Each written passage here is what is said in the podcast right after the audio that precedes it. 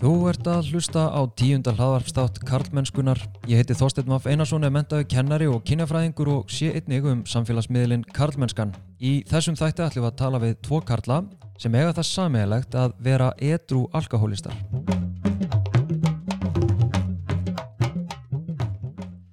Einfaldasta skilgrinningin á alkohólista er kannski svo að ef þú getur ekki hægt að drekka þótt þið langið til þess eða hefur litla stjórn á því hvað þú drekkur eða notar mikið, ertu sennilega alkohólisti og átt við sjúkdóma stríða. Sangat vísinda vefnum er, og ég kvota, álitið að samspil lífræðilegra, sálfræðilegra og félagslegra þáttar ráði þróun alkohólisma. Tilvísun líkur. Sangamt ásriti S.A.A. sem meðal annars rekur meðferðar sjúkrahósið VOG kemur fram að karlar eru tæplega 70% sjúklinga sem að leggjast inn á VOG. Þess vegna þótti mér áhugavert að heyra reynslu og lýsingar manna sem hafa glimt við alkohólisma og reynda að vera eitthrú og haldist eitthrú í einhver tíma allavega. Já, mislanga tíma. Við munum heyra allavega hérna á eftir í manni sem hefur verið eitthrú í tæp 18 ár hvernig honum hefur tekist það og hvernig það er að lifa með alkohólismannum en fyrst ætlum við að spjalla við mann sem hefur glimt við alkohólisma í 40 ár búið á götunni með og án húsnæðis eins og hann segir hérna á eftir. En hann hefur nú náð að halda sér eitthvað í tæpa nýju mánuði.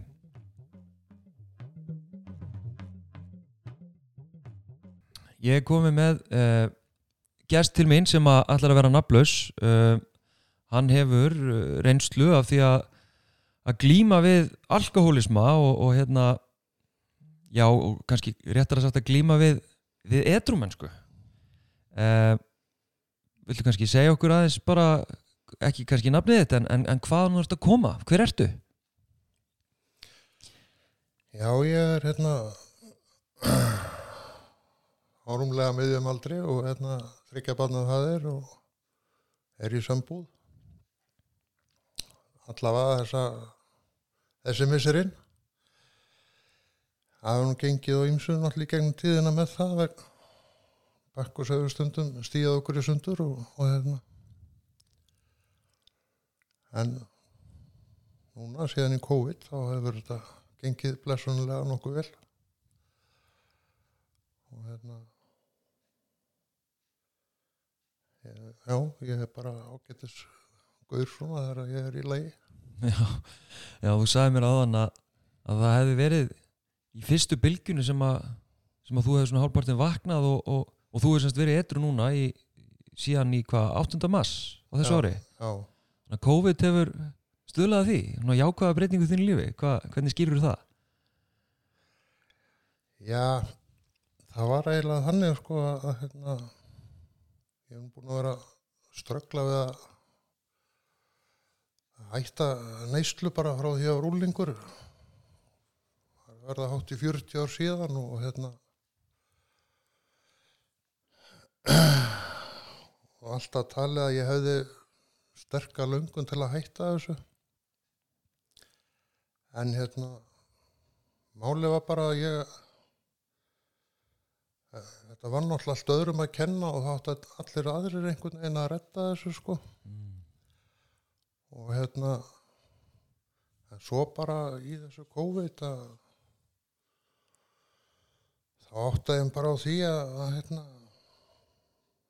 COVID var eitthvað sem að ég vissi bara ekkert hvað var og, og hérna og mér fannst ég standa einhvern veginn svona bjarga laus og ekkert ég hafði engin svör og vissi ekkert hvert næsta skref ætti að vera og, og hérna þannig að á einhverjum tímapunkti þá átta ég mig á því að það er bara engin að fara að bera ábyrð á því að ég verði edru nema ég sjálfur. Því að aðgengja læknum og heilbreyðustofnunum og hérna allir er svona utan að komandi aðstofa og var mjög að skortna skamti og, og hérna þannig að ég einhvern veginn þurfti bara að horfast í augu við það. Ég þurfti bara að fara að taka ábyrð á þessu og, og það er kannski bara fínt að átta sig á því komin á 60 aldur sko. En hvað hérna sko, minna, þú er retro hérna í byrjum mars, hvernig getur þú lýst mér, hvernig hvernig er lífið eh, hjá virkum alkoholista, hvernig voru þessir bara frá janúar og, og fram að mars sem dæmi lífið hjá virkum alkoholista allavega í mínu tilfelli er mjög ömulegt og, og hérna og ég er svona síðasti maðurinn til að segja frá því hvernig það er vegna þess að þegar ég er í neyslu þá bara er ég ekki til frásagnar mm. um það hvað, hvað er að gerast í kringum því að ég er bara í fleiri, fleiri sólaringa og jafnvel vikur stanslust í blackoutum og, og hérna, mann ekki og veit ekki neitt Mm. en auðvitað er þetta bara ömurlegt og, og hérna þú veist ég er svona þú veist ég er algjörlega óvirkur í samfélaginu meðan ég er undir áhrifum sko Mm. ég tek ekki ábyrð á neinu og hérna legg einhvern veginn allt til hliðar bara. Fjölskyldu, vinni og áhuga mál veist, það er bara allt á húld og bara neistlan einhvern veginn gengur fyrir öllu. Það er eina sem kemst að og þetta er bara já, þetta er mjög bara ömurlegt sko. En þú sem sagt, þú heldur alltaf heimili eða hvað, þú, þú átt heimili og hefur það einhvern tímann breyst, hefur, hefur endað á götunni eða?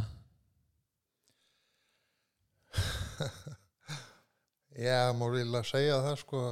Ég er eiginlega búin að vera frá upphafi sko róni Já, með eða án húsnæði sko. Ok. Ég hef svona oftar kannski haft þakka yfir höfuðið en en hérna ég á eitt tímabil sem spannaði við fimm ár þar sem ég var algjörlega á göttunni og hérna það var, já það var bara það var bara eins og ég var kliftur út úr samfélaginu. Ég ég var ekki á ég var eiginlega hvergi til sko. Ég þáði ekki einu svona bætur á þessum tíma sko. Mm. og hérna og þetta já, ég átti bara aldrei einhvern veginn víst aftrepp svo að hist og her og mjög oft úti og, og hérna bæði sömarveitu voru á haust og og þetta, já, já, gistiskíli og einhverju svona stegagöngum og einhverjum hittavituristum og almenningsgörðum og kirkjugörðum bara nefndu það. En hérna það er eina svona samfelda tímabilið sem að ég hef átt. Þetta var 91 til 6 og hérna.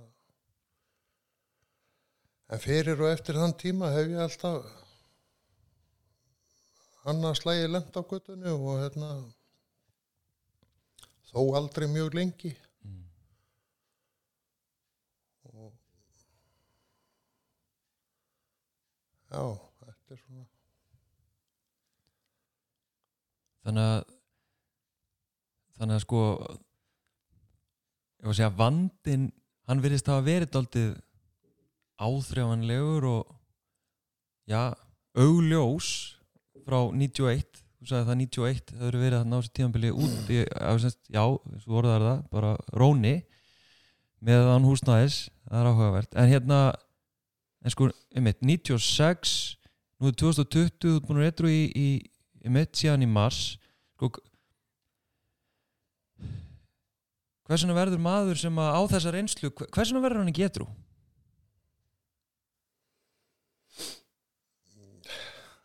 það eru sjálfsagt ekki til neinn óbreyðul svöruði því sko en hérna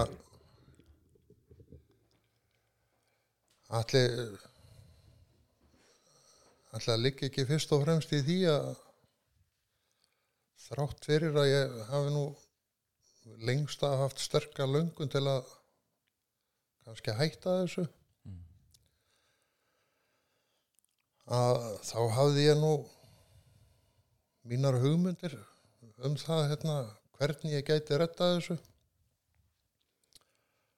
Og af því að það var nú lengi vel hamrað á mér ég væri nú greindur og vel að guði gefin sko. Að þá taldi ég mig ekki þurfa að láta segja mér hvernig ég ætti að gera hlutina og var með fullt af góðum hugmyndum sem að hérna enduðu bara í skelvelari martröð sko Hvernig ljóma þessar góðu hugmyndir? Já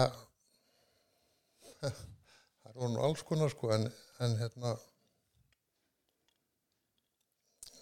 það er, eru svona nokkrar viðkjönda leiðir kannski sem að hafa gefist vel til að hætta þessu og hérna og ég svona kíkti kannski á þær bara með öðru auganu sko Mm. og ég sá það náttúrulega að þetta voru alveg príma góða leiðir fyrir fólk sem að var mjög lasið sko en hérna það átti klárlega ekki við í mínu tilfelli auk þess sem að ég taldi mig miklu betur gefin en þetta leið sko. Já, eh, þannig að ég var alltaf með plan B og C sko. Já, já. og svo skildi ég bara ekkert í því. Einhverjum dögum eða viku setna ég vaknaði einhvers staðar hálfu hauslaus og, og bara hvað hva hafi eiginlega gerst sko? Þannig að já, þetta er svona skynnsemis róki held ég bara. Skynsefisróki, já. En sko en þetta, sko þú byrjar vandalega ekki að- drekka og, og bara búm, þetta er orðið vandamál eða hvað, hvernig, hvernig byrjar þetta? Hvernig byrjar þessi þróun? Sko, ég var nú mjög ungur þegar ég smakkaði áfengi fyrsta skipti. Já, 11 ára eitthvað svo leiðis og hérna og væntanlega hefur það spilað inn í ég þurfti að taka lif nánast frá fæðingu sem að róandi lif sem að hérna hafa sannilega undirbúið farvegin vel fyrir önnur vímöfni sko. Ok. Þannig að þegar ég byrja að drekka þá hérna þá gerast hlutinni mjög hratt sko. Og ég er bara 14 ára gamall er ég bara orðin svona rútineru fyllibitta sko. Mm. og að drekka með félögum sem voru þó nokkrum árum eldri og, og hérna, sem að ég leit svolítið upp til á þeim tíma og fannst vera svona aðal kallarnir sko miklir sökkarar en þeir voru farnir að segja við mig mér að segja 14 ára gamlan að það verður nú ekkert fyrir mig að gera hana að drulla mér í meðferð sko 14 ára þannig að já ég bara ég, þú veist ég gagvart áfengi þá hef ég alltaf einhvern veginn fungerað bara eins og bíl sem er bremsölu sko. mm. glemtist að setja bremsunar í mig sko. Og neysla mín hefur alltaf verið rosalega stjórnlaus. Ok. Sko, getur þú tekið okkur aðeins í sko ferðalega því að þú hefur sagt mér að þú hefur hérna gert nokkrar allur til þess að verða edru allan annan tíma, öll þessi ár sem að, meina, þú talar talar um að þetta hafi leið aldrei ljóst fyrir eh, samband þitt við, við hérna, áfengi frá 14 ára aldri, þetta átti vel saman, kannski of vel saman þú og áfengi eh, og þú hefur gert tilhörun til þess að verða edru eh, og ég menna, þú hefur náð einhverjum mánuðum eða árum uh, sko þessi rökhyggja, ég meina þú segir það rókinniðir hafi kannski komið í veg fyrir fleiri árið eitthvað, edru en mómentið þar sem þú ert búin að vera edru eitthvað tíma og þú byrjar aftur að fá þér þú veist, getur eitthvað líst fyrir mér hugsaðu í þetta skiptið þá veit ég nú hvernig á að gera þetta eða, eða hugsaðu bara ekki neitt eða, eða hvernig, hver er aðdraðandinn þú ert eitthvað búin að eitthvað ykkur tíma hver er aðdraðandinn? Ætli það sé ekki partur af þessum skynsæmisróka sko að hérna eh, ég, sko, ef ég næ eitthvað tíma þá er ég yfirleitt búin að taka einhvers konar leiðsögn í einhvern tíma. Og kannski búið að ganga vel. En svo kemur að því að, hérna, þú veist, það er að fara að slettast yfirborðið í kringum mig og mér finnst hérna hlutinni ganga vel. Þá hérna þá kemur kannski oft hugsun eitthvað í þá veru að hérna herði, ég þarf nú ekkert að vera að láta leiða mig eins og einhvert unga barn, ég lít nú að geta aðeins græja þetta sjálfur sko Mm. og í rauninni sleppi bara takin á þessum sem ég kalla bara björgunaring sko Mm.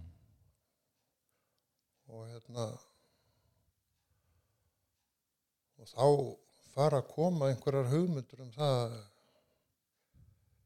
ég þurfi nú kannski ekki að ég meina hva, hver, hver þarf að vera að velta sér upp úr einhverju þakklæti eða einhverju auðmýgt Mm. ég sé ekki nokkurt mann í kringum að gera þetta og hérna af hverju ég Mm. og ég þarf ekkert langan tíma þú veist það sem að ég ég kalla hann bara stökk upp í raskatið og sjálfuð mér sko. Og hérna verða bara passlega eigingjarni í nokkra daga sko þá gerist það vildi framhaldina að hérna, að fyrir að fjölga fíblunum í kringum mig sko Mm. og, og ég verð neikvæð, neikvæður og aggressífur og óþólumóður og, og hérna, bara fólk er fíbl og ömulegt að vera til einhvern veginn Mm. og, og þú veist, ég þarf ekkert marga dagi þessu ástandi þá fer ég að á enda ég alltaf á að fara að drekka sko. ok og hérna og ég sko ára raðir ára tugi hefur mig ekkert langað í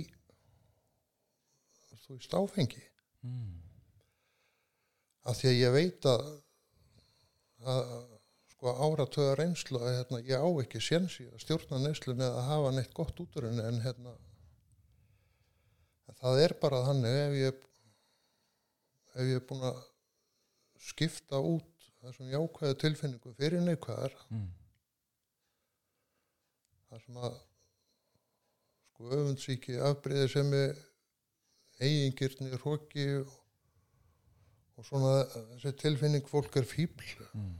Ef að, ef að þessar tilfinningar og óheðaleiki Mm. ef að þessar tilfinningar fá að grassera í mér í einhverja sólaringa kannski viku eða tvær Mm.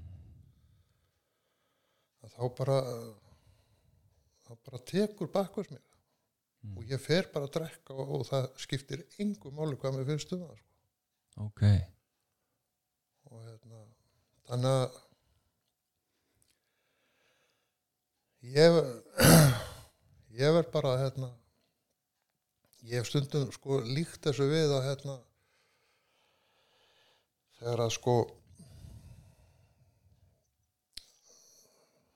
ef, ma ef maður horfið bara á upphafið sko þá manni gefið ákveðið hérna ákveðinir eiginleikar veist kostur og gallar Mm. og hérna sem er kannski bara 50-50 í upphafi og, og hérna.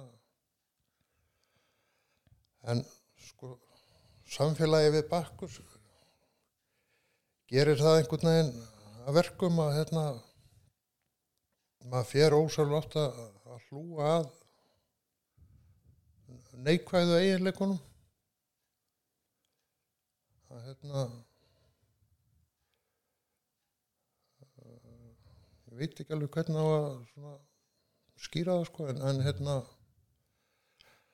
en maður verður einhvern veginn ma, já maður bara dregst inn í þessa neikvæðin einhvern veginn með bakkursi og, og hérna hann að þetta er, ég hef stundum líkt þessu við það að sko ef ég væri garðirkjumadur að veist, hann fær sína mentun og hann veit hvernig hann á að gera gera fallega garð og gróðurhús og, og hérna. En svo rugglast hann eitthvað í rýminu og hérna hann kemur í gróðurhúsi sitt og, og hérna og þú veist það er fullt af fallegum blómum og arfa og hérna og hann fer á fullt í það bara að vöku arfan sko. Og leifa honum að blómstra og ég er svona svolítið svoleið sko. Já, já. En en sko já, og þrátt fyrir sko einmitt, þú talar um það þrátt fyrir þína reynslu þú veist, ég meina, hún blasir við þér eh, reynsla þín af, af, af nýslu áfengis og svo einmitt, eins og staðan þín hefur verið síðustu ára þá veist, áttu maka og þú átt börn og, og það er einhvern veginn þú veist það heldur einhvern veginn ekkert þú veist, það er ekkert svona veist, hvað heldur þér etru hvað heldur þér etru núna í þessa, þessa mánuði? Já við getum við getum bara að kalla það hvað sem við viljum sko. Ég, fyrir mig kýsa kalla kalla það bara guð sko en hérna kærleikur er kannski bara málið sko hérna veist að, leið, að láta bara gott að sér leiða og, og hérna og reyna bara að vera almennilegur í kvívetna sko. Og hérna þú veist og þegar ég áttaði mig á því að sko ég ég er bara svona sandkotn í eh, stóra samhenginu sko mm. en uh, oft á tíðum hefur mér fundist að, að ég væri einhvern veginn stóra málið í, í, í þessu samhengi og, hérna, og restin bara sandkott sko. Mm. en þú veist, bara átt að sjá því ég er partur af Mm. og ekkert sérstakur eða eða eitthvað öðruvísi eða skili einhverja, einhverja, einhverja aðra meðferð en einhverja ann, annar sko, ég er bara eitt af trilljón hjólum undir vagninum sko Mm. ég þarf bara að reyna svona að fungera með og, og hérna vera partur af Já, einmitt. Og, og hvernig sko, einmitt, hvernig praxir eru þetta? Hver, hvað geriru til þess að, að vera á þessum stað? Veist, að, einmitt, að vera í þakklætinu og, og kjærleikanum og veist, hver, hvernig, hvernig heldur þér þarna?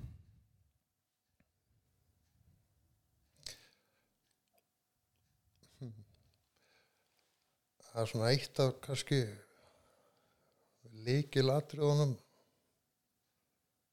sem mér finnst vera ég, sem, en það spila stór, klárlega stóra röll í mínu tilfelli að hérna, það er þetta þegar ég vakna á mótnana sko Mm. að hérna að því að ég er alkohólisti að hérna þarf ég að bara virkilega vanda mig sko hvernig ég byrja daginn Mm. og ég kallaði hann bara svona að að afsala mér völdunum sko. Ok, að hérna tek svona kannski smá bæn og, og hérna og, og hugleiði svo aðeins og eftir. Mm. hvernig hérna hvernig ég vilji sjá þennan dag fyrir mér og, og hérna því að þú veist ef ég geri þetta ekki þá hérna þá er voðið vís því að þú veist, það kemur alltaf einn og einn dagur þar sem að ég bara vakna snar geðu ykkur í hausnum og hérna er með fullt af vondum hugmyndum Mhm. og hérna ef ég ana svoleiðis út í daginn sko þá er bara stórt slis í vandum og hérna þannig að ég þarf bara að byrja daginn aðeins á því að ég bara gefast upp og, og hérna setja stjórnina svolítið í annara hendur bara strax Já, já. til að afstýra því ég lendi í einhverju voða verki sko. Mm, einmitt. en sko fyrir menn sem að finna sér í þessari stöðu að, að já, átt að segja á því að herðu það nú kannski ekki eðlegt hvernig ég er að drekka eða nota fíknefni eða hvað sem það er að sko hvert er hvað gera menn? Veist, hvernig, hvernig hefja menn edrugöngu? Hvernig hefja menn öðruvísi líf? Og eiga allir vona á því veist, eiga allir sjens Já, ég vil nú alveg, það, það er algjörlega skýrt, það er allir séns. Og hérna, eh, sko fyrsta, eða svona forsendan fyrir því að að geta hætt neyslu held ég, maður þarf náttúrulega viður kenna, þú veist, vandan að það sé eitthvað að. Þú veist, að meðan maður sér ekkert að að þú veist, til hvers að vera hætta og það sko já, ég ég veit að ég ég get bara sko sagt fyrir mig að, að hérna það hefur í rauninu aldrei kannski verið eitthvað mikið mál að hætta þú veist, ég hef margótt held niður fleiri lítrum áfengi og allt það en vandamálið er bara að byrja ekki aftur það er miklu stærra vandamál sko. það er ekkert vesen að skrúa tappar í flöskuna sko. mm. en hérna en þú veist upp á að byrja ekki aftur þá, þá er það þetta líkil atriði þú veist, að viðurkenna vandan og bara gefast upp Mm. og hérna og viðurkenna að maður þurfi hjálp Mm. og, og aðstóð til þess Mm. sko flestir já ég ætla ekki að segja flestir kannski en, en allavega í mínu tilfelli að, að hérna sko ég ég er ófær um þú veist að vera ódrykkin svona hvað ég segja einn, einn með sjálfum mér sko. Ég verð að fá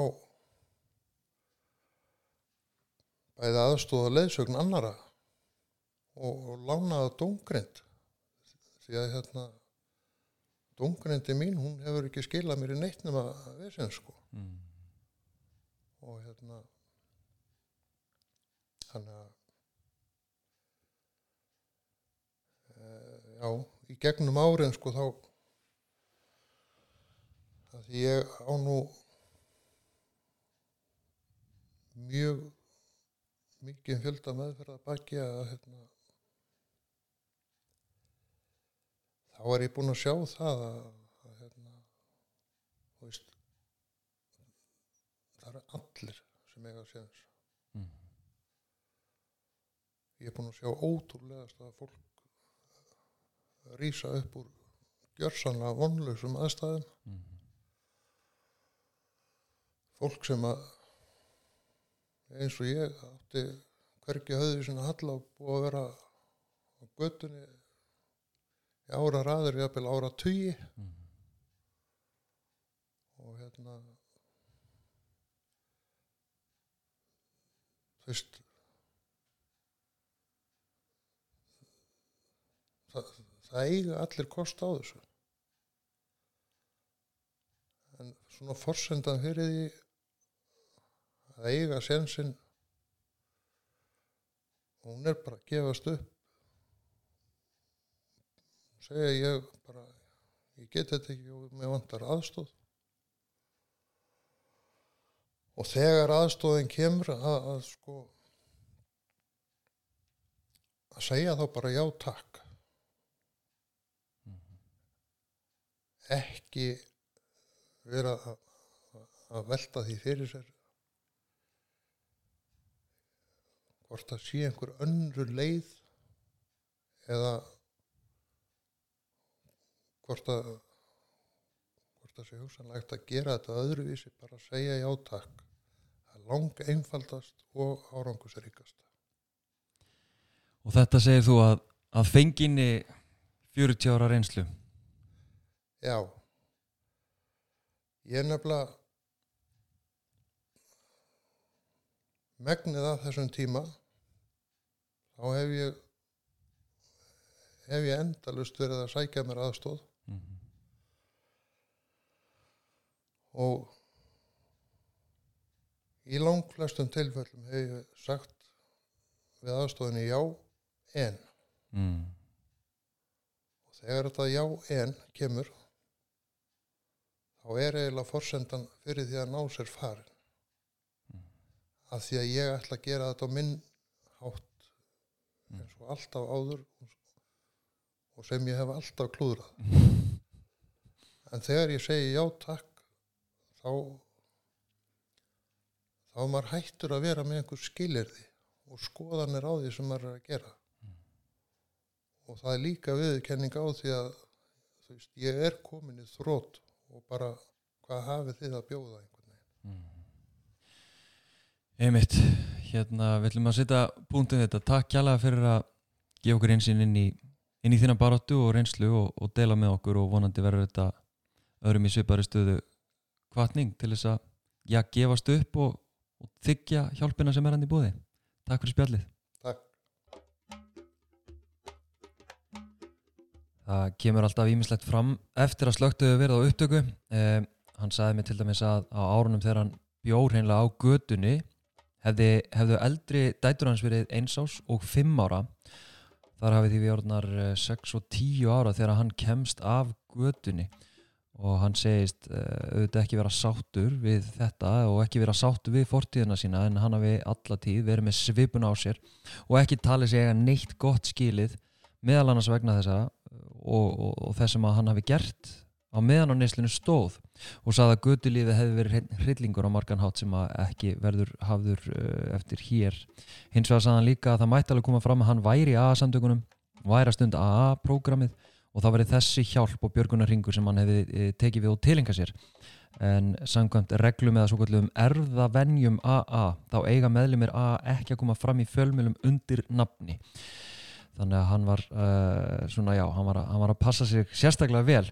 En næsti viðmælindi hins var hann talar svo sannlega ekki undir rós með það að vera meðlumur í AA en kemur þó ekki fram undir nafni. Hann hefur verið edru í tæp 18 ár. En við byrjum nú bara á því að, að spyrja þig uh, hvaðan ert að koma? Já, fyllir í, náttúrulega. Fyrst og fremst Það er nú svolítið látt síðan að Já, ég kom af því ég er, það, Eftir 2-3 mánuði þá er ég búin að vera eitthrú í, í 18 ár já, En ég er samt alltaf að koma fyllir í og það er gott að hafa það bara hafa, hafa það bara hugfast fyrir menni sem mig já, að það er þó að það séu liðin 18 ár þá er samt alveg jafn stutt í fyrsta klassið og það var fyrir 18 árum sko. Hvað áttu við með því? Já það sem ég á við með því að, er að, að sko áfengi bara er, er, er stór hluti bara á svona okkar félagslega umhverfi almennt Mm. og það er auðvelt að, vera sér út um það og, og, og það er auðvelt að, að, að sko gera það hluta af svona sinni, sinni, sinni tilveru Mm. og, og þetta þykir allt bara óskup svona einhvern veginn eðlilegt Mm. Í okkar samfélagi áfengisneisla er, er hluta okkar kultúr og, og hérna í fyrsta lagi og í, í, síðan í öðru lagi á, á svona persónulegum level það er bara það er, hug, það er, hold, það er mönnum eins og mér holdt að missa ekki sjónar á því að, að það er ekki sjálfsagt að vera allskáður fyrir menni sem mig sko. það er það er það þarf að hafa fyrir því, það, ekki, það gerist ekki sjálfkrafa og, og þess vegna er þetta bara hugsun sem að, ég, ég reyna að gæta eins og sjáaldur sögum og, og missa ekki sjónar á að það er alltaf jafn stutt í fyrsta glasi Já. En þú hefur hérna reynd að verða edru fyrir þennan tíma þar að segja að þú ert búin að edru í 18 ára núna en, en, en já, kannski við förum bara í baksuguna menna, hvernig byrjaði þetta? Byrjaði bara á því að drekka og þetta var allt í ruggli eða, eða hvernig já, gerist þetta? Já, maður segja það Já, það? Já, maður segja það ég, Nú erum við hérna í, í hlýðunum og erum að tala saman og ég, ég, ég er alin hér upp frá nýjara aldri okay. og, og hér plottuðu við það ég og, og, og vinnu minn og við skildum út við okkur brenninslösku við höfum verið 13 ára, 12 eða 13 ára gamlir og það tókst bara lukkaðist vel að út við það og hérna upp á hittavittu tanki hérna við sjómanarskólan þá, þá drukkum við svona aðeins niður í þessa brenninslösku þetta var alveg svona heil stór 700 millilitra flaska, græn og og það er alveg ógleimanlegt sko. það er alveg ógleimanleg já það eru ógleimanlega sko 20 mínútur kannski því að, því að eftir 20 mínútur þá, þá, þá verður allt svart og ég man ekki neitt þannig að í fyrsta sinn sem ég drakka áfengi svona markvist sko oh.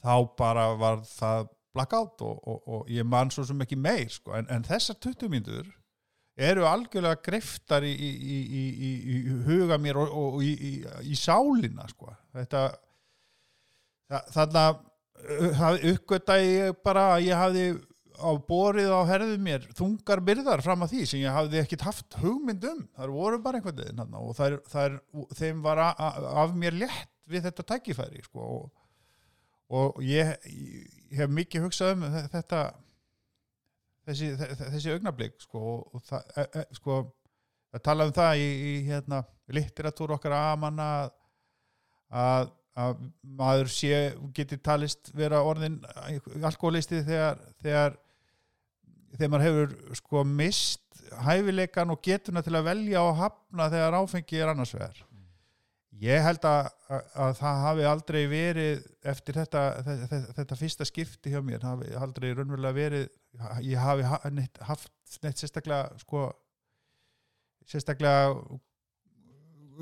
neina sérstaklega stjórn á þessum málum sko. ég held að ég hafi aldrei haft þennan hæfileika eftir að ég upplifið þessa, þessa 20 mínútur sko. Að því að, að valið stendur alltaf veist, eftir þetta um, um það hjá mér að líða sko bærilega og, veist, vera einhvern veginn upplifa að ég sé ég heima í, í, í þessari veröld með, með, með öðrum og annars vegar og hins vegar að vera einhvern veginn bara í, í stöður í sálarkröm þetta er hljómar mjög dramatist en þetta er svolítið þannig sko, fyrir menni svo mig, allavega mig Og þú talar um sko, þú 13 ára, 14 ára, ég man ekki þegar þú byrjar að drekka, þú talar um sko byrðar, hvaða byrðar eh, ber 14 ára eh, unglingsdrengur?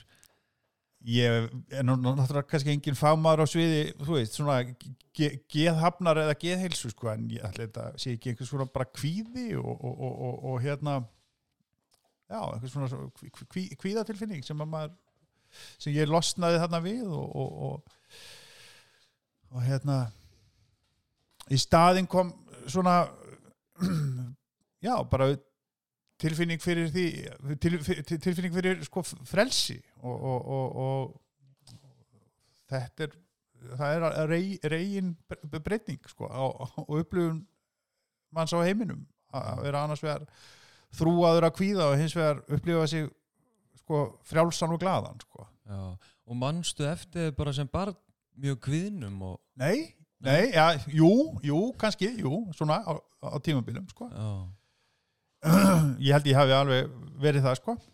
Já. kannski en, en, en þetta er svolítið einhvern veginn þannig að maður eh, held ég að verði kannski svolítið samdöina sínum sí- sínu svona, sí- sínu daglegu tilveru svona eðli málsins og, og, Já, já.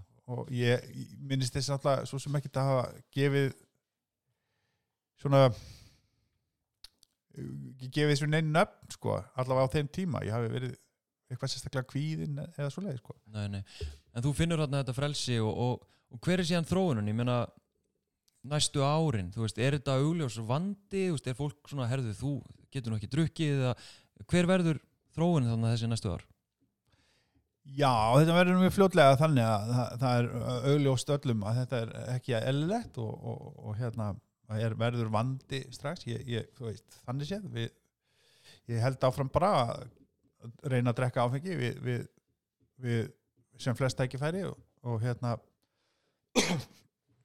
það sem að kannski dagdrykja barna er litin hortnöga í okkar samfélagi þá eh, þá var nú svona það var kannski stundum svolítið á brattan að sækja maður þetta er svona sæta, sæta lægi sko, með, að komast í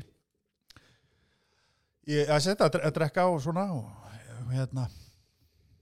Þannig að maður svona, já gerði sér dýtrasta auðvitað til að reyna að, að drekka alltaf eins og hægt var og, og það var stöð, voru stöðum vandræði. Ég minna þetta ágerðist og, og svona smám saman hlaut einhvern veginn annað a, a, önnur áhugamál einhvern veginn að, að víkja fyrir þessu og að því að þetta fór alltaf meir og meira í fargrunn einhvern veginn, það að drekka og, og svo sí- síðan á, á, á fermingarárunum mínu þá komumst við félagarnir í amfetamin og það var alveg stórfengleg uppgötun líka sko. Uh, það var mikil, mikil framför á því því að amfetamin er, er mikil guðskjöf fyrir, fyrir menni sem mig. Það er hægt að drekka meira Já. og maður missir ekki alveg dómgrendina og þannig að ég get mælt með því fyrir þá sem áhuga hafa á amfetamin, að vest að það er ólöglegt já, já.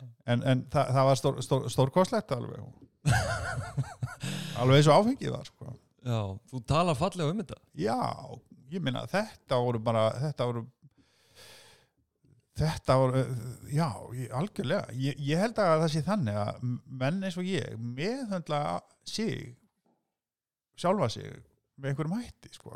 og fram að því að ég uppgötaði þetta áfengi og amfetamin þá, þá hafði ég ekkert. Ég hafði enga leið til þess að meðhöndla ástand mitt, mitt andlega og, og, og, og, og sálræna ástand sem að var sennilega svona kannski allt alvarlegt sko. Og, og, og það, þetta voru bara þetta voru miklar bara guðskjafir ég, ég fer ekki dofan að því. Þannig að eins og annari lífjakjöf hins vegar fylgdu aukaverkan í þessu, með, með þessari svona sjálf, sjálfslifjun þá, þá fylgja mjög alvarlegar aukaverkanir og, og þær fara stöðu testnandi að því að já, þetta er þetta er einhvern veginn þess eðlis, þetta tekur allt yfir hverjar eru þessar aukaverkanir? Já, til dæmis það, að það er annað víkur aðrir, þættir tilverunar það- veist, e- ástundun annara hugðarefna sko, hún, hún hún víkur, ég minna íþrótta yðkun og, og áhuga mál og, og hérna, veit, lestur og, og kannski félagslega tengsl utan þessa samhengis samhengis neyslunar, þetta allt saman víkur.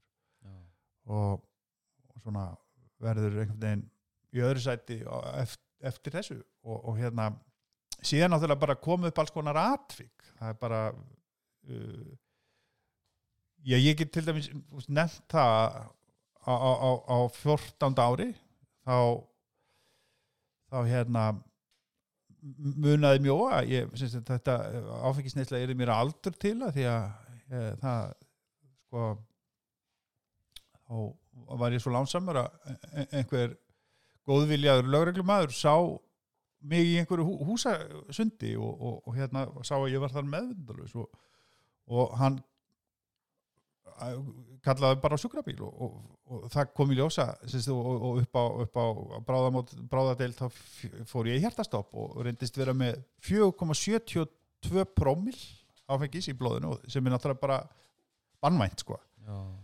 Og ég enda líka já, það, þetta það, hjartað stoppaði og svona sko, ég var bara heppin að vera komin upp á, á slísadild þegar það gerðist og, og mér var bjargað.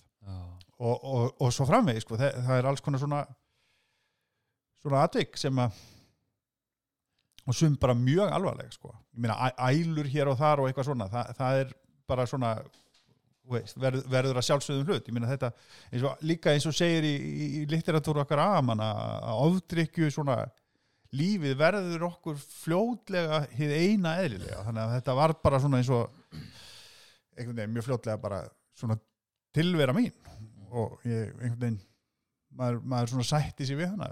Maður verður samdöna þessu eins og öðru einhvern veginn. Já, já. En síðan gerist það uh, að þú já, farið nóg af þessu og, og kannski af þessum aukaverkunum eða hvað og, og, og fer að kljástu við það að verða etru þú átt hvað, þú átt nokkra raturinn að þessu árun og nærða að verða etru í átján ár.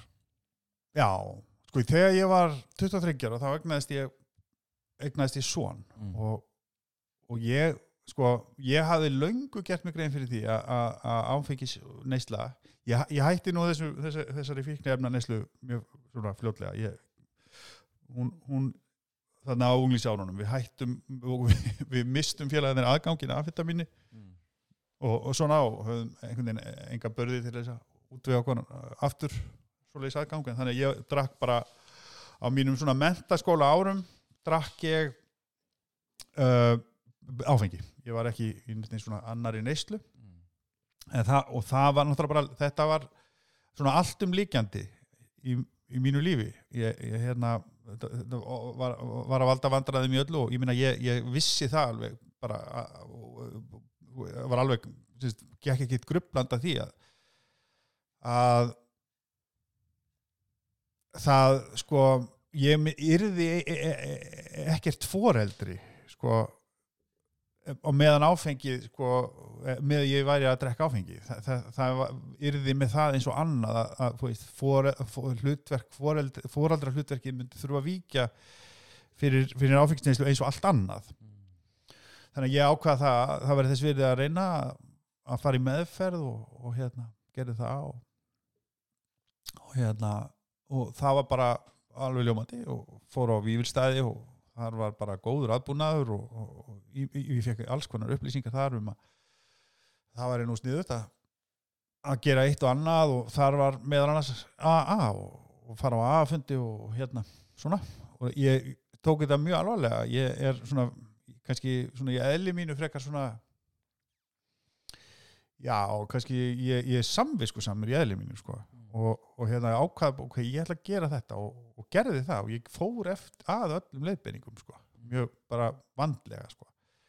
Og svo bara og, og veist, þrý, þremur mánuðum síðar eða svo, þá bara var þá þá stóð ég bara frammi fyrir þessu sama og ég hafði alltaf staðið frammi fyrir sko. að þessu, þessu vali sem er, ekkert val er sko að, að, að, að, að, að sko líðan, að, að líða óbærilega annars vegar og líða spærilega hins vegar og sérst, þetta er ekkit raunverulegt val þetta er bara svona einhver er, já, þannig að ég maður velur það að líða bærilega í svo alltaf stund sko.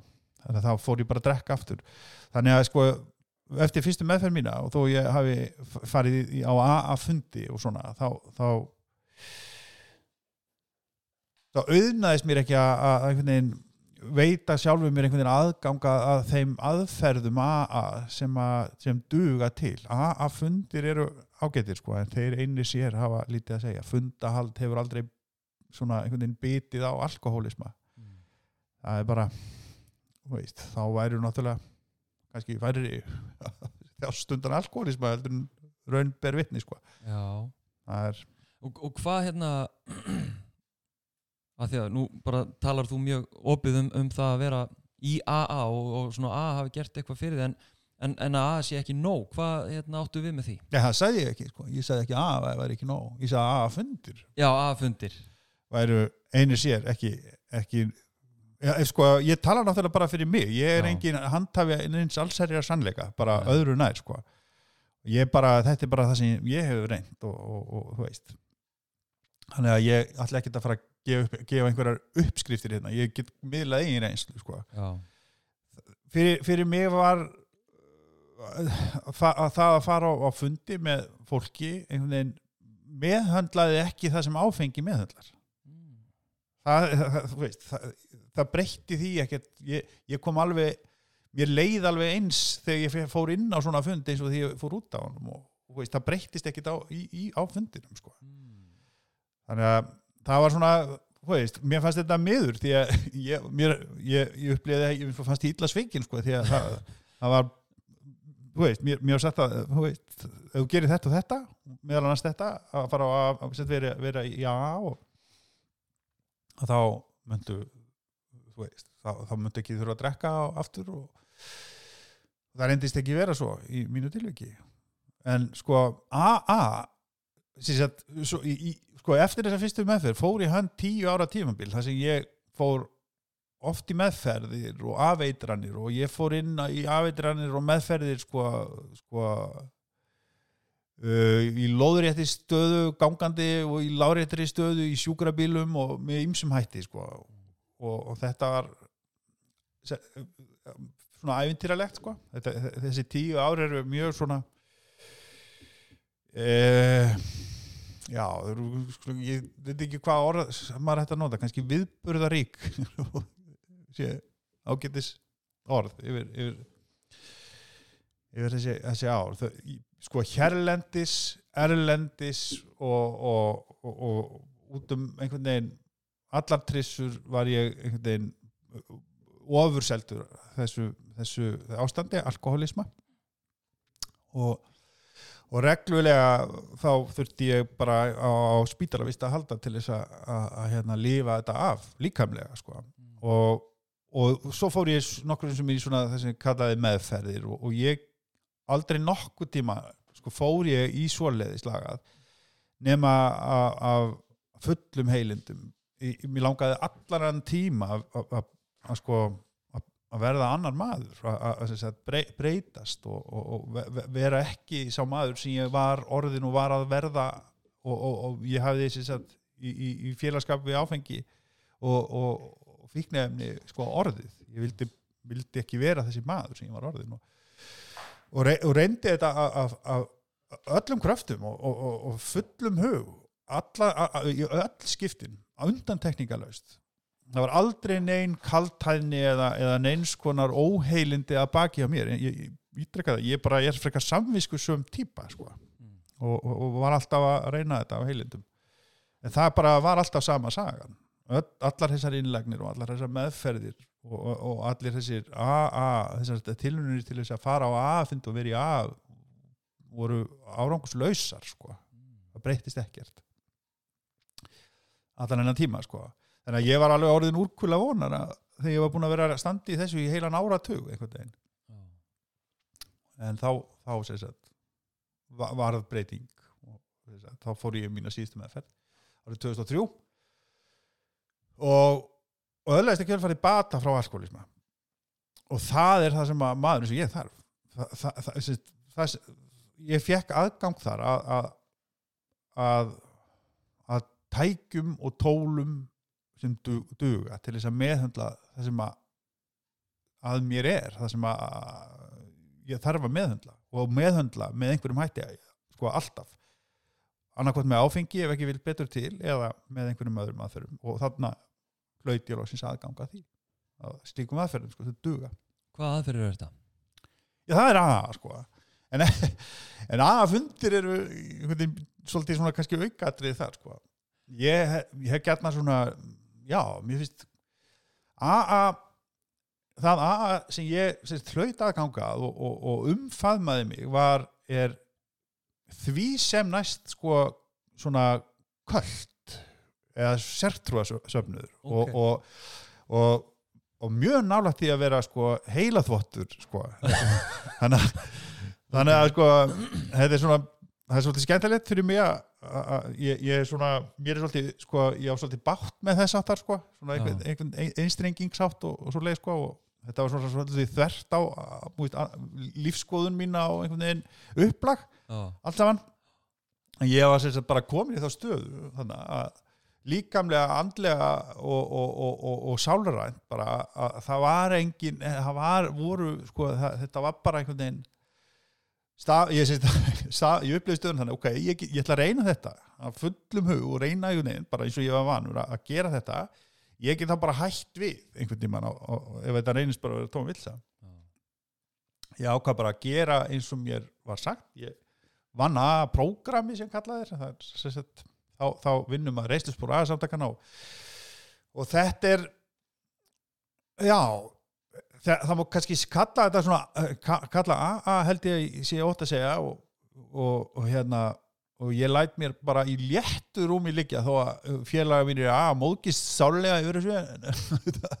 Ég held að AA sé svona andlegheit eða spirituality sem maður sletta aðeins sko fyrir sko fólk sem er andlega sko uh, uh, sem eru andlegi svona kriplingar Hvað áttu við?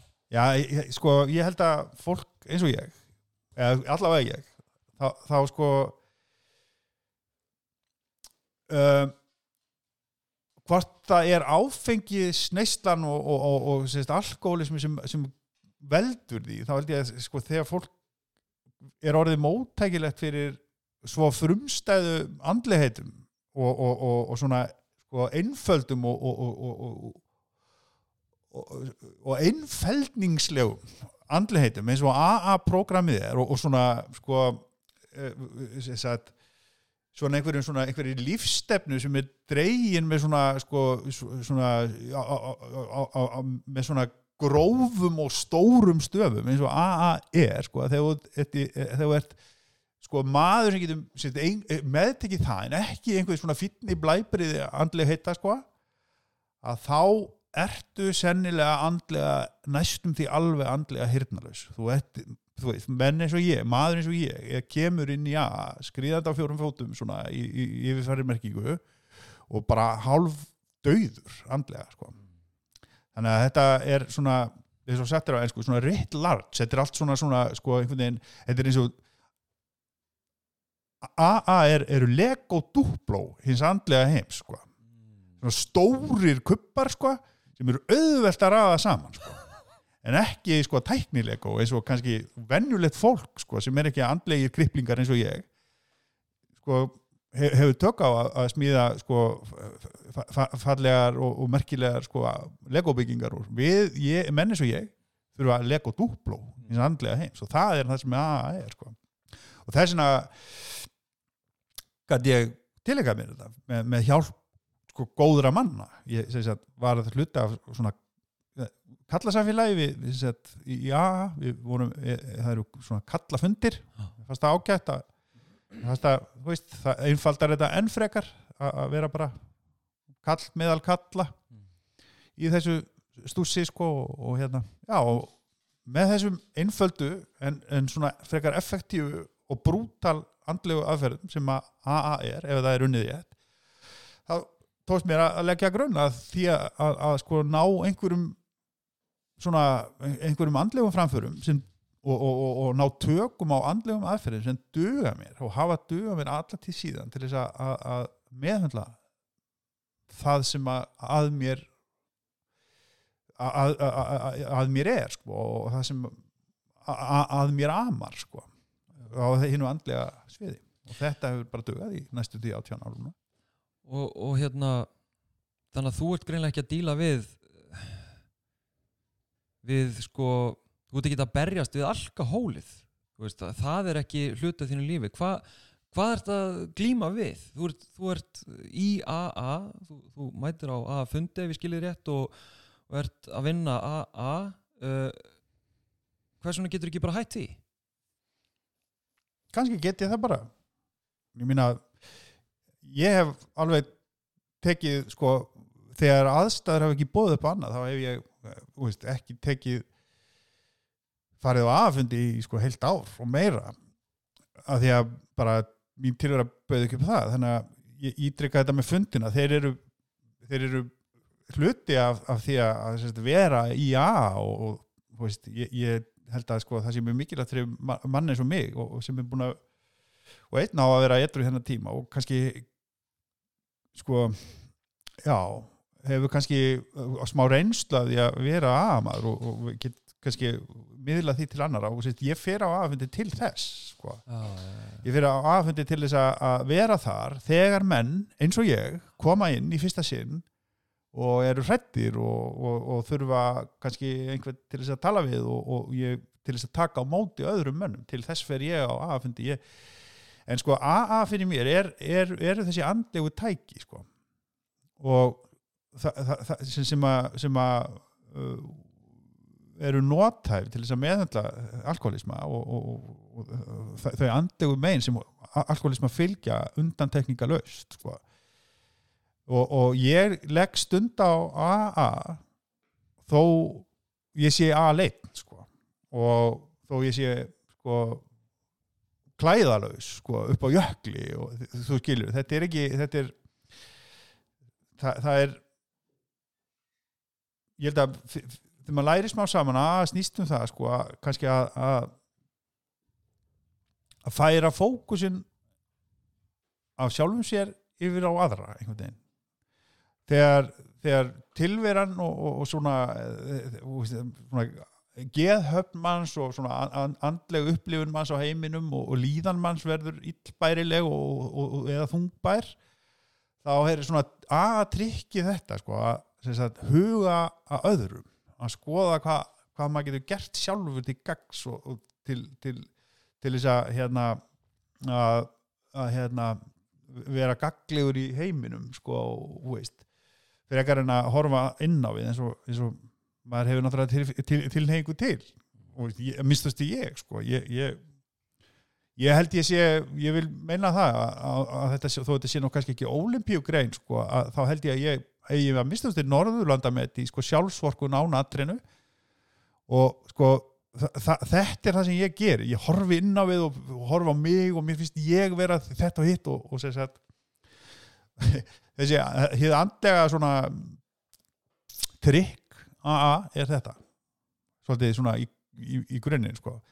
reynda að ná tökum á sjálfum þér og þegar þú ert búin að ná tökum á sjálfum þér með þessum hérna, andlegu tækjum sem við höfum hér þessum innföldu Lego Duplo andlegu tækjum sem við erum búin að afhenda þér farið þá og snúðu aðteglina öðrum, öðrum mönnum, öðrum fólki og vittu hvort þú getur ekki gert eitthvað að gagni fyrir þá, því að þegar annað bregst, þá mun það ekki bregðast sko. Og hvað hvað er það kannski persónulegt, ég veit það ekki of persónulegt eh, en, en hvað er það sem að maður eins og þú með 18 ára edrumennsku ert að glíma við? Hver eru þínar áskoranir? uh, áskoranir. Þær eru nú ekki mjög merkilegar. Ég öll það, ég, ég já, fyrst og fremst kannski það að missa ekki sjónar á grundvallar staðrindum um sjálfa mig að verða ekki viss í minni sög um það að ég sé, að að ég sé einhvern veginn uh, laus undan sko uh, þessu ástandi sem alkoholismi er sko. það er nú kannski þú veist ég veit ekki hvort á að kalla það sko, eitthvað að glíma við en það er mistast eitthvað sem er mikilvægt held ég fyrir mig og menn eins og mig að hafa hugfast en að leiti þá er mitt, mín tilvera bara óskup svona óspennandi eða þannig, ég bara vakna mótnana og fyrir vinnuna sko. Mm. það er nú svona það er nú kannski ekki mjög merkilega áskorun eða, eða erfileika sko. Er, það er það sem að uh, þetta er munurinn sko. fyrir átján árum þá þá barðist ég fyrir lífi mínu við sjálfan mig og, og, og hérna og, og var bara það bara fæ, veist, ég, ég það munaði mistu og hvað þetta er annað að ég sem sagt, yrði undir í þessari baráttu við sjálfa mig sko. ég það er ekki svoleiðis núna sko. viðfangsefni hins daglega lífs eru ekki mjög sko krefjandi svoleiðis, ég meina jú, jú, það koma upp þú veist, viðfangsefni mín núna eru bara venjulegt daglegt líf. Það er alltaf sumt sko. Kemur ímislegt upp og svona en, en sko með þessum með, með, með þessu þessum aðferðum sem að sko með þessum, já, þessi, þessum tækjum sem að, að þegar það er unnið að, þegar að prógram er unnið með þe- þeim tækjum sem að menn eins og ég fá aðgang við það þá verða þessi viðfangsefni daglegs lífs ekkert erfiðari okkur en öðru fólki sko. ég held að ég geti þá þar með svona kannski tekið saman sko, hvaða er sem ég glými við núna og það er bara ekki neitt neitt eiginlega. bara þetta Ég myndi ef ég leiði aðeins inn í inn í svona rétt undir lokin eh, sko inn í smá svona pólitík eða samfélagsvandamál eða ég meina það hefur verið umræðin til dæmis um, um aðstæður aðbúnað uh, heimilislausara eða, eða útigangsmanna sem við tölum stundum um sem róna. Og, og hérna ég var að tala um við mann sem að bara hreinlega bjóða göttun en er, er búin að ná sér sem sagt, búin að vera eitthvað tíma núna. Sko hvernig hvernig lítur á þetta? Þá er að tala um svona kannski samfélagslega. Hvernig getur við gert betur í málefnum fólk sem þjáist undan já því að virðist alkoholisma við sem samfélag mm. uh, ég held að fyrsta skrefið sem svona já, við svona sko sem, sem svona borgarlegt samfélag ættum að taka og alveg skilirislaust og þetta er svona no-brainer í mínum huga. Er að hætta að bara hætta því strax að, að hafa það refsivert aðtæfi að menn eins og ég meðhandli sjálfa sig með, með áfengið einhvern svona efnum. Þetta, þetta, þetta verður bara að hætta. Það verður, það verður að stoppa það núna strax að að neyða menn eins og mig og var í einhverja undirheima og það sem að glæpir og, og, og, og mannvonska og hryllingur bara grassera vegna þess að þeir þurfa að meðhandla sjálfa sig með einhverjum svona kemískum efnum það, ver, það verður að afglæpa væða minnstakosti helst löglega öll þessi efni. Það verður bara að gera það hið snarasta. Og, og, og taka svo mönnum og fólki sem að, sem að vil læra að meðhandla sig með einhverjum öðrum hætti opnum örmum.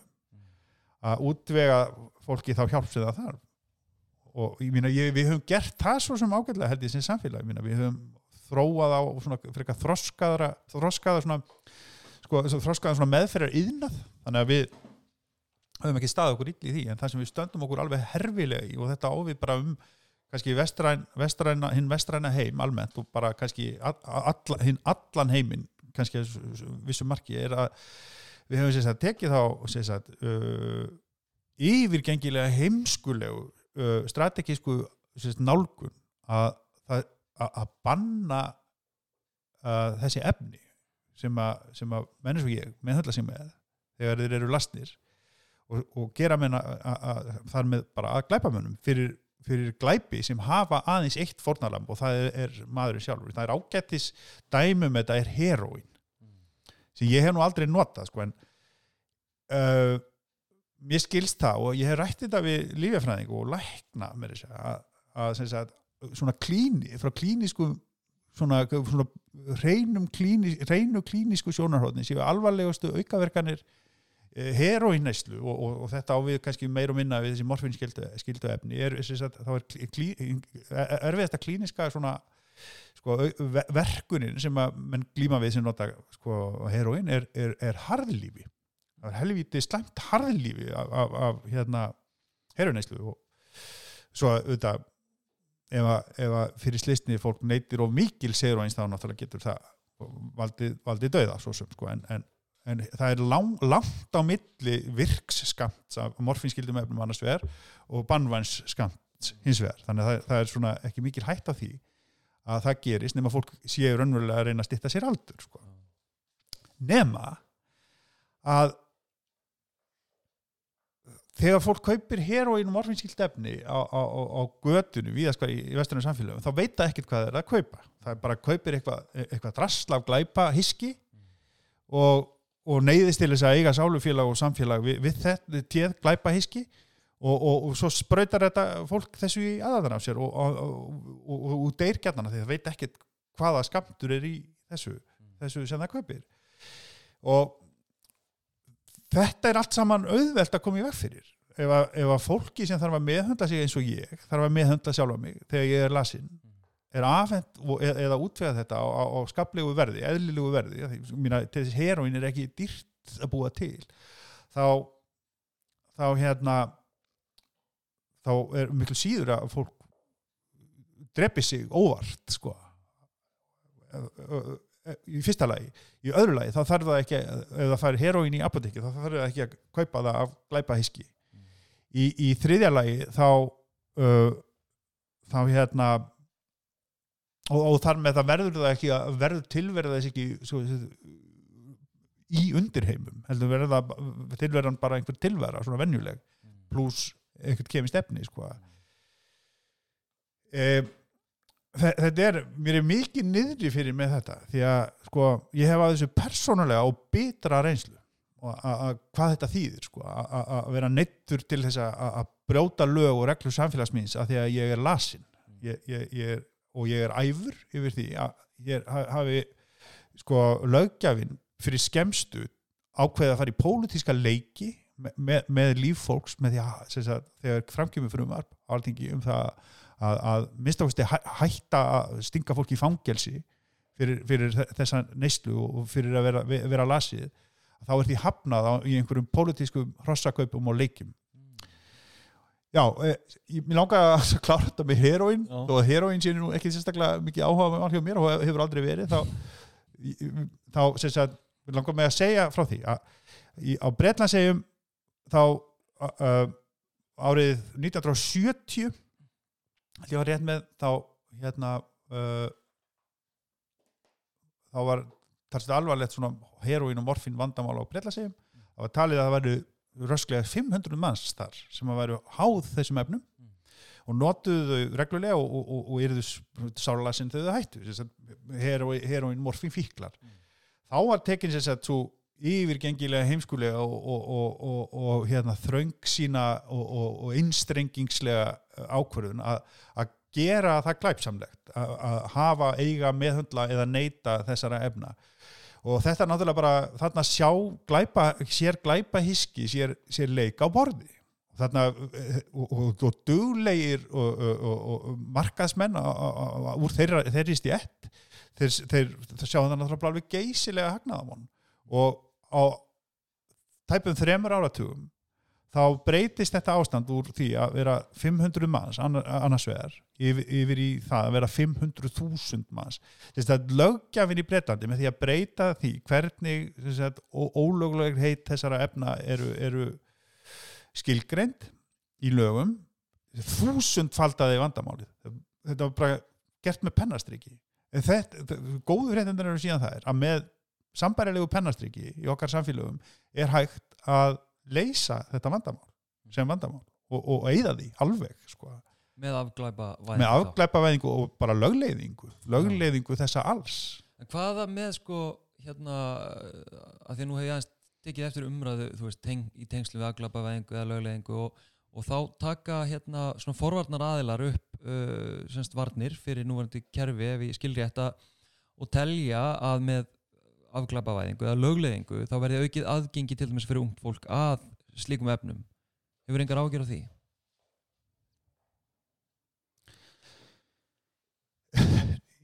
ég get sagt þér það að ungt fólk í dag það, það slærin sko á, á, á, á, dulkóðuðum samskiptamilum sem sem löggæslan hefur engan aðgangað uh, kannski 40 slög slaga skilabóð og 15 myndu síðar er, er, er, er sagt, fíkni, fíkni efna skamturinn sem þau, þau á- ásælast komin heim til þeirra í heimsendingu. Sko, þjónustu level, level fíknefnasala í okkar samfélögum í dag er sko, Amazon á ekkert í fíknefnamarkaðin þetta, þetta er bara eins og eitthvað hvert annað grín þessi rauk sko. það er aðgengi núna er algjörlega óheft og algjörlega óregulerað og algjörlega taumlaust. Þetta er ekkert mál. Það er miklu, miklu, miklu auðveldara að útvega sko, hass og, og amfetamin og kókain og, og morfin efni og hvað sem hver, hvern og ein, hugur hvers og eins gifnist sko, ekki, það þarf ekki einu sinni símtal. Það er bara smá textaskilabóð en það, veist, það er miklu auðvöldur út af þetta allt saman heldur en áfengi. Þannig að þessi rauk eru bara e, þau standast enga skoður, þetta er bara tónvitleisa síðan hefur þetta náttúrulega verið prófað veist, það hefur, hafa verið gerðar ágættar tilraunir með það að, að sagt, veita fíklum aðgengi að fíknefnum um allan heim. Og ég ætla náttúrulega ekki að fara út í það en, en ég minna, nei ég hef ekki ágjörð því sem þú að nefna. Það, en það er það bara engin ástæða til held ég. Ég, ég held það ekki, ég veit það. Þetta er, þetta er rögleisa og byggir á engu. Einmitt, við viljum að fara að enda þetta að setja punktin á þetta. En hérna uh, svona fyrir mögulega hlustendur sem að finnast í, í þinni sögu og, og svona grunar að um vandamál sé að ræða uh, hvert leitar það? Hvað gerir það? Já, það fer svona býn eftir hvert ástandið að við komandi er. Ef, ef, að, ef fólk er orðið mjög lasið af, neyslu þá náttúrulega þarf það að komast inn á hafa samband við við, við, við heilbrískerfið og, og fá hjálp við að kannski afeitra sig. Það er svona kannski, getur stundum verið fyrsta skref en það er ekki allir í þeirri stöðu en þá leiðin sem ég fór var AA, það að vinna AA-program og það er ég mæli með því, það, það dögði fyrir mig. Ég, og, veist, og hef séð að döga fyrir marga aðra menn, margt annað fólk og þó að AA hafi engan, engan enga rétt á þessu þá þá er það bara það eina sem ég hef reynslaf og, og það eina sem ég þekki og, og, það sem ég er ekki sérfræðingur á þessu sviði meðhöndlum fíknisjóttúa þá, þá get ég bara sagt hvað hefur dugað mér vel og það var að fara að vinna AA-program gera siðferðislega reikningskil í lífið mínu eins og, eins og, og literaturinn okkar segir og hérna reysa til Og þetta hefur virkað fyrir þig í, í 18 ár? Næstum Það er 18 ár, já Takk fyrir spjallið. Já, takk sem við leiðis. Við fórum svo sannlega um víðan völl, personulegt og politist og þetta er kannski ákveð dæmi um hvernig þið personulega verður politist, hvernig reynslokkar getur mótað afstöðu og sín okkar á, á samfélagið. En til að taka af allan vafa þá var tilgangur þess að þáttar að fá að heyra reynslu manna sem að glimt hafa við alkoholisma og hvernig þeir hafa tekist á við þann vanda og hvernig þeir líta á þennan vanda. Það vil bara svo til að, að báði viðmælendur mínir eru í AA og hafa jákvæða reynsla á AA í glímu sinni við alkoholisma ég hef orðið var við gaggrinni bæði á AA og VOG. Eh, í lagi er var það að, aðgengi og aðbúna kvenna og að ímislegt sem viðgangist þar sé gaggrinni verðt á þess að ég ætla að fara nánar út í það þá er ég að vísa meðal hans í gaggrinni rótarinnar á þess að já, alltaf tala fyrir þeirra höndi að fara nánar út í það en, en tek fram að ég er meðvitaður um þá gaggrinni og þessi þáttur átti ekki að vera einhvers konar uh, lof á AA eða vok eða neitt í þá veru heldur meira að fókusa á upplifun og reynslu manna sem glímt hafa við og eru að glíma við alkoholisma. Viðmælendu mínu voru líka nokkuð skýra á að þetta sé þeirra reynsla, upplifun og frásögn og þeir geti bara talað uh, út frá sínu sjónarhóttni og, hérna, og geta ekki sagt hvað hendi öðrum uh, mönnum, konum eða fólki. Ef ég dregi það einn saman út frá viðmælandunum mínum að alkohólisma þarf sá sem að hann ber að taka ábyrð á. Það er hægt að öðlast bata og eignast eitrumennsku en að það krest vinnu, sjálfskoðunar, ábyrðar og úrvinnslu á fortíðinni ekkert gerist eh, fyrir en viðkomandi vil sjálfur gera eitthvað í sínum málum Ég er alltaf að setja punktu fyrir eftir hann sjálf á mig. Þakka þér fyrir að hlusta. Heyrumst að viku liðinni.